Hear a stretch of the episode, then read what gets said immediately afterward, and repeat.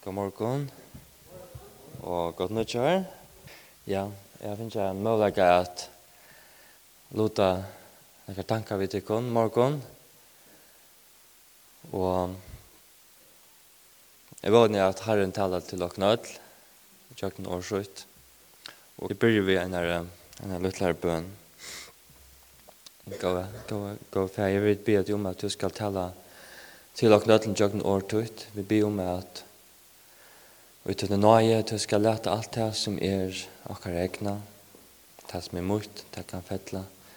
Mot år kan fettla, men har et år tutt, det kan standa fast. Be om god at du skal tala til okkon, og jøkken året du skal brøyte okkon. Og du skal leie akkon inn i et tattare samfunnet vi til. Det ber vi om, og Jesus har navnet. Amen.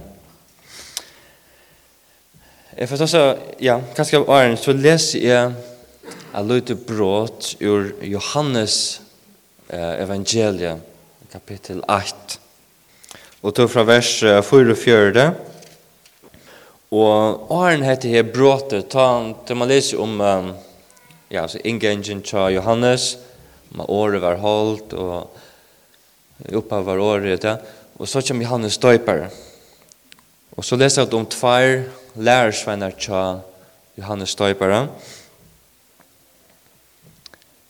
Og det kallar ja, Andreas og Simon som tar byrja eisen av fylltja Jesus. Jesus kallar Filip og så, kall, så, ja, og så kommer forfer han etter Nathanael. Og til akkur som kapittel 8 er om. Og jeg får lese fra vers 4 og 4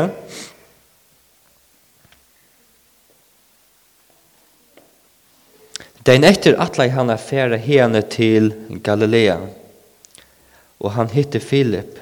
Jesus sier vi han, fylg mer. Filip var ur Bethsaida, bøynun som Andreas og Peter var ur. Filip hitte Nathanael og sier vi han, vi har funnet han som Moses hever skriva om og i lovene. Og profetan er vi, Jesus, son Josef ur Nazaret. Nathanael sier vi han, kan nekka godt være ur Nazaret? Philip sverre i honom, kom og sutt. Jesus sa Nathanael komma til suen og sier vi han, hikk, hetta er sannelige ursasmauer som ikkje er svik ui. Nathanael spurte han, hva han er kjennet du med? Jesus sverre i honom, Arjen Philip røpte til, sa jeg til. Medan du varst under fikotrænen. og Nathanael svarade honom, Rabbi, tu er sonur Guds, tu erst kongur ushels. Jesus svarade honom, Trost tu, för te at det säger vi te, att det sa til under fikotränan, du skal få sutja te och større er enn hetta. Så sier han vi han, sannelig, sannelig, sier tikkun, til skulle få sutja himmelen oppnan, og englar Guds støya opp og færa nyer iver menneska synen. Og det er særlig er hesen spurningren i vers 21 som er fester med vi. Du trost og til godt, men hvor trost du? Trost du for til at jeg sier vitte, jeg sa det under fyrkutrænen.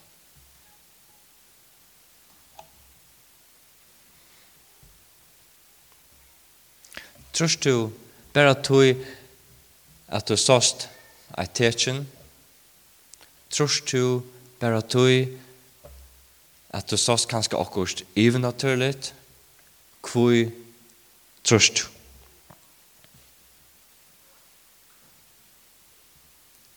Det vi kunne spyrja okkur sjálfa. Kvoi trykva vit?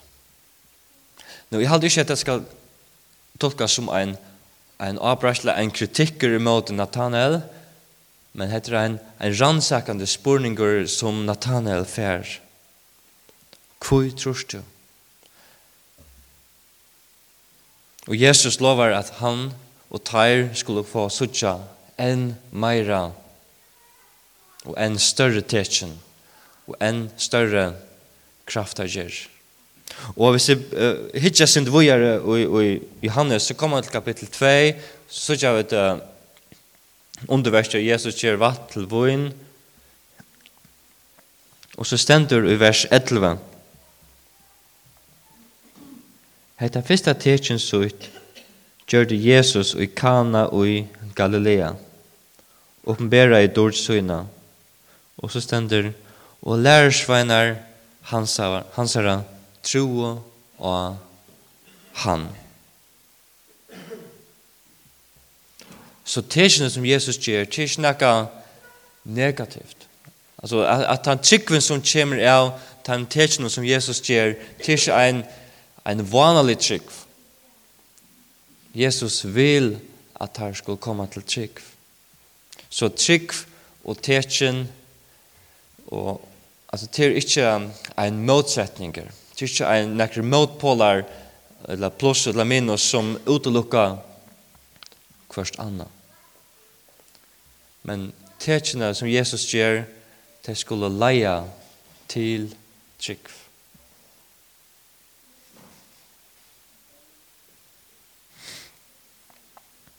Et tekin, hva er et tekin? Nå, som Johannes brukar året, så er et tekin vanlig en kraft av gjør, men tekjen er eisen nekka som peikar a skilta, som peikar ein bestemt av vi, som peikar og okkurst anna. Hette er vevren du skal færa. Hette er vevren du skal genga. Hette er tann som du skal alt. Trykva og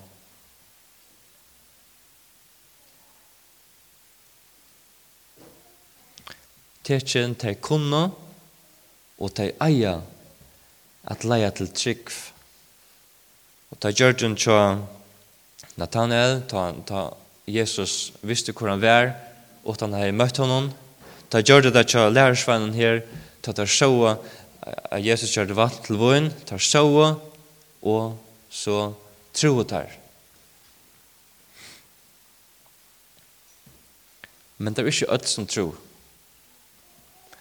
Det var nøkker som var til etter brudløpet, Men det stender ikke om at de tro. Så, så til å søtja tekjen og til å trykva til er sånn at ikke ta samme.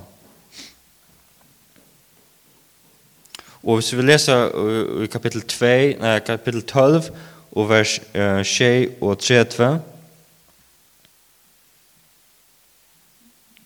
Her stender at to at han har gjort så mange tekjen fyrir egen tarra, trúu tei ikke av han. Så det er nøkker som stod ikke tekjen, men ikke tryggva. Og så er det nøkker som stod ikke tekjen, og tryggva. Så det er ikke gale vi at det var tekjen som leia til tryggva Det sjønt ikke alt som fylltja til vedskiltene som peikar av Jesus.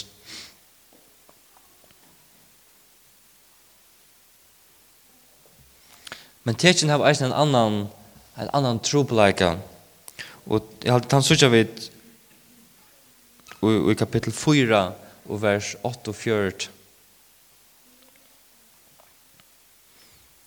Her sier Jesus Sutja dit ikkje tekjen under tryggva tid ikk.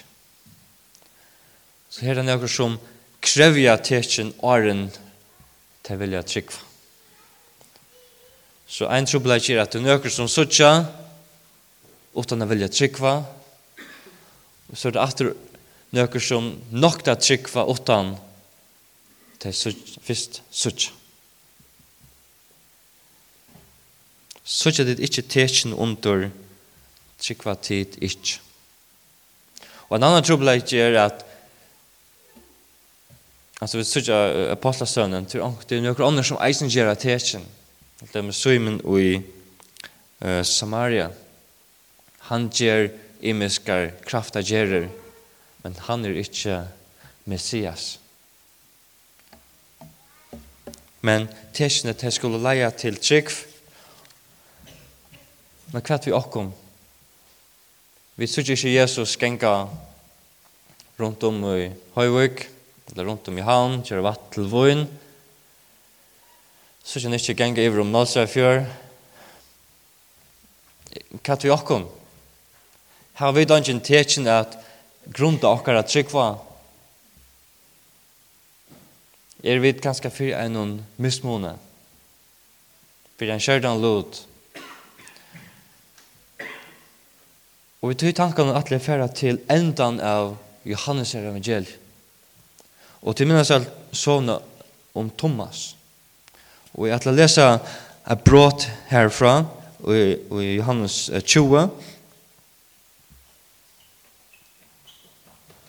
Det skjønt at Jesus er krossfester, han er opprisen, han er så, han er møtt, hinnon ettila, kanskje hinn tutsi lærersvennen, utan Judas, og Thomas. Og Thomas sier, utan jeg suttje, så trygg vi er ikke.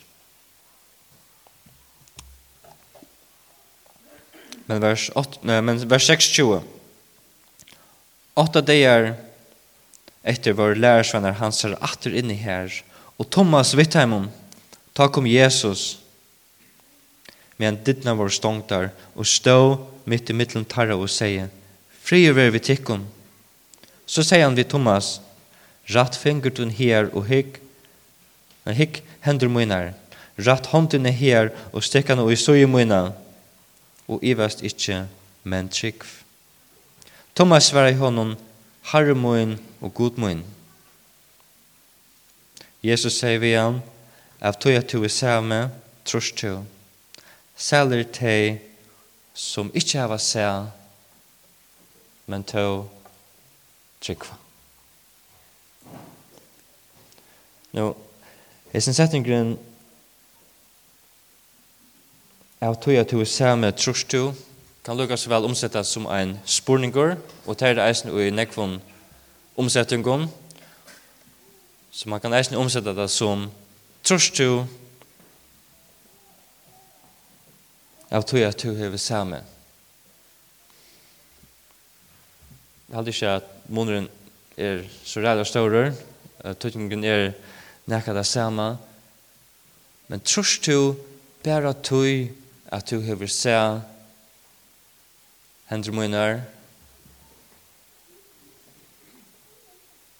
Nu, Thomas, han vilde bare hava det som hindra til haft, som hindra til seg. Tar ut til seg Jesus, Han ville eisen sutja Jesus. Jeg kan skandale sin vil kåre fingren og i håndna, men vi leser ikke om at han gjør det. Men det særlig etter her, sel er det de som ikke har seg, men to trygg. Og hva er det? Jo, det er først og fremst de som Johannes skriver til, og Men til eisen at sankumann at han at Og til det vidt. vi da ikke se Jesus fysisk genga rundt og gjøre kraftagjerer. Og hvis vi leser vågjere, så stender eisen mong andre tekjen som ikkje er skriva i Jesu bøk gjør til Jesus fyrir lærersveina syna. Men hese er å skriva fyrir at tid skulle trykva. At Jesus er Kristus, sonur Guds, og fyrir at tid vi at trykva skulle hava loiv og i navnet hans herra. Hette er skriva så at tid skulle trykva. Altså Johannes han skriver vi en halvt bestemt om endamale. For at det skulle tryggva at Jesus er Kristus, sonur Guds.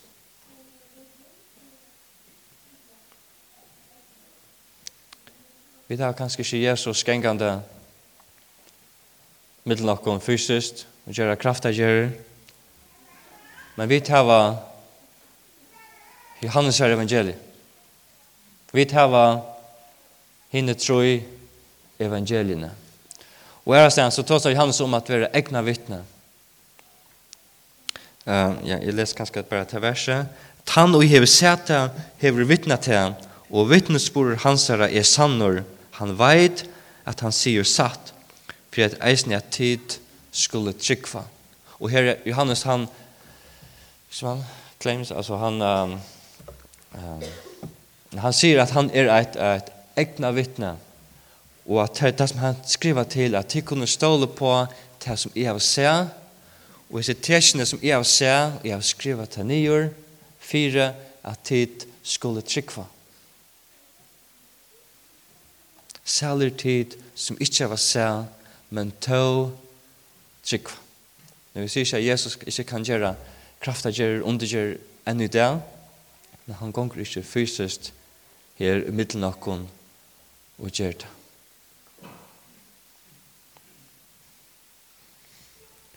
Så evangelien, det er ikke en, en bandetakare eller en, en, en, en videokamera som bare fyller Jesus, men Men er ordentlig nye koka. Altså særlig altså, en drinker eller helten av alle bøtjen er bare om det sørste vikene av, av livet Jesus her. Og han skriver, så han har utvalgt seg noen helt bestemt ting til å skrive nye.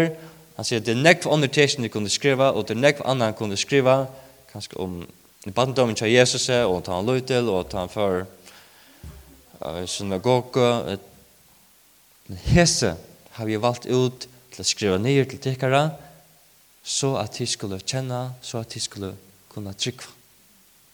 Hva at trykva Jesus er Kristus. Og er sånn sier Johannes, det som vi har for opphavet, det første Johannes er bra, det som vi har for opphavet, det som vi har hørst, det som vi har se, vi eier nokkara, det som vi skover, og henter okkara nummer vi. Så Jesus som var mittlen nok, Jesus som vi så, Jesus som vi åter sammen vi, det er han som vi tryggva, det er han som vi tala om. Er vi så for en kjærtan lot, til jeg vil bare hava året? Nei, altså ikke. Særlig han som leser. Særlig han som høyrer profetåret og verveita til som her og er skriva. Det er um, i hans her Ja? Sælert han som leser. Sælert han som høyrer. Og i en øren sammenheng så sier Jesus, hvert han i høyrer hese årmøyne. Høyrer og gjør etter teimen, ver lukker vidt en manne og bygde huset av hell. Han som høyr, etla, men ta sa jeg, men ta som var så og i gåa gjør i tann, og i høyrer året og fætar til, og som så blir avvøkst, og gjør hundrafaltan, seksifaltan, trøyatefaltan, avvøkst. Særligt han som leser, særligt han som høyrer.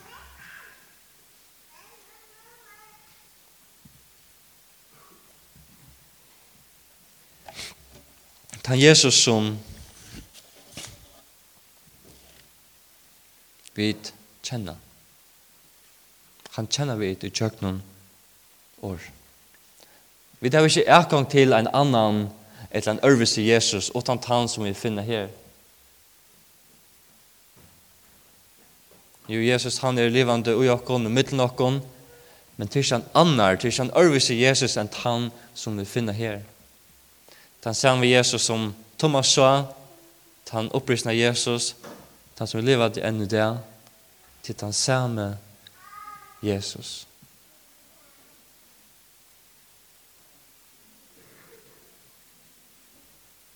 Det er Jesus som brøyter liv i det. Det er Jesus som vil finne i skriften. Og særlig at han fyrer evangelien.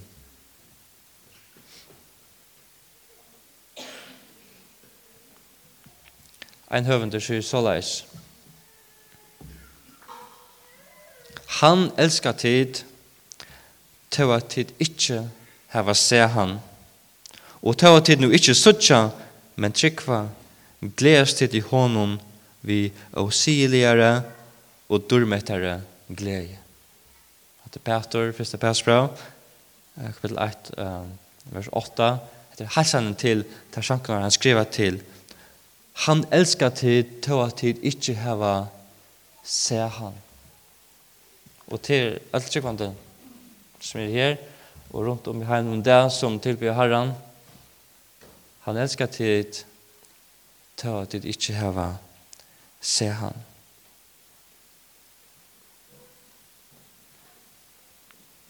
Så det handlar om at tryggva vi tryggva åren som kommer her som blir nyskriva til okkara Tetjen eller ongen tetjen det handlar om at tryggva. Men det handlar ikke bare om at tryggva. Det handlar om at tryggva Jesus. Om at tryggva av Jesus. Jeg vet ikke hva klokka er. Uh, ja, ok. Det være sånn. Uh, hva sier Nathanael til han ser Jesus? Uh, så blir jeg lysen til atter. Uh, han heier en tro av jottan. Uh, helt konkret. Um, Rabbi, tu er sonur gods, tu erst kongur Ushas. Messias. Det er trikva at Jesus er sonur gods, og at Jesus er Messias. Og hva sier høvendren i kapittel 21? Men hesi, ja, fyrst Thomas, Han sier, to, um, Herre moin og god moin. Det sier han om Jesus. Hvor han er. Han er denne jottan om hvor Jesus er. Orsaka. Og så sier høvendren, men Jesus skriver for til jeg skulle trykva hva at noe helt bestemt er at Jesus er Kristus, soner Guds. Og Alt det som Johannes skriver til vi til endamålet er sette fram Jesus som Messias, som son Guds, som frelseren. Det er ikke annan kunde, kunde, kunde skriva ned Jesus uh, han tar seg i folk, Jesus uh, church og medpakka.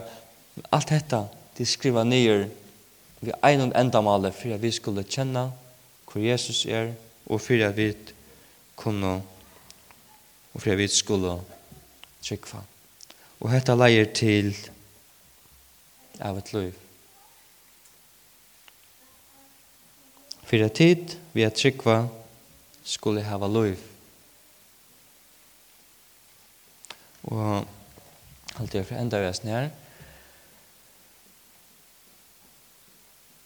Men bare en spurning til sørst. Trørst til Sjalt om du ikke vil se. Trygg. Hva er det det? Luther sier at trygg til et livande djarft alit av Guds nøy. Til et alit av Guds nøy. Og vi vågner at, at vi som er sammen her, tryggvann. Tekjennet ikke, kraftegjer, prekv eller ikke, men trygg. Sæler tid som tryggva, sæler tid som lesa, og sæler tid som høyr. Og jeg vann jeg har en tala til okkom, Årsøyt, og jeg vann jeg at den Kristus som vi finner her reisende levande ui okkom og i middelen okkon, ikkje berre det, men jag kan vikna framöver. Amen.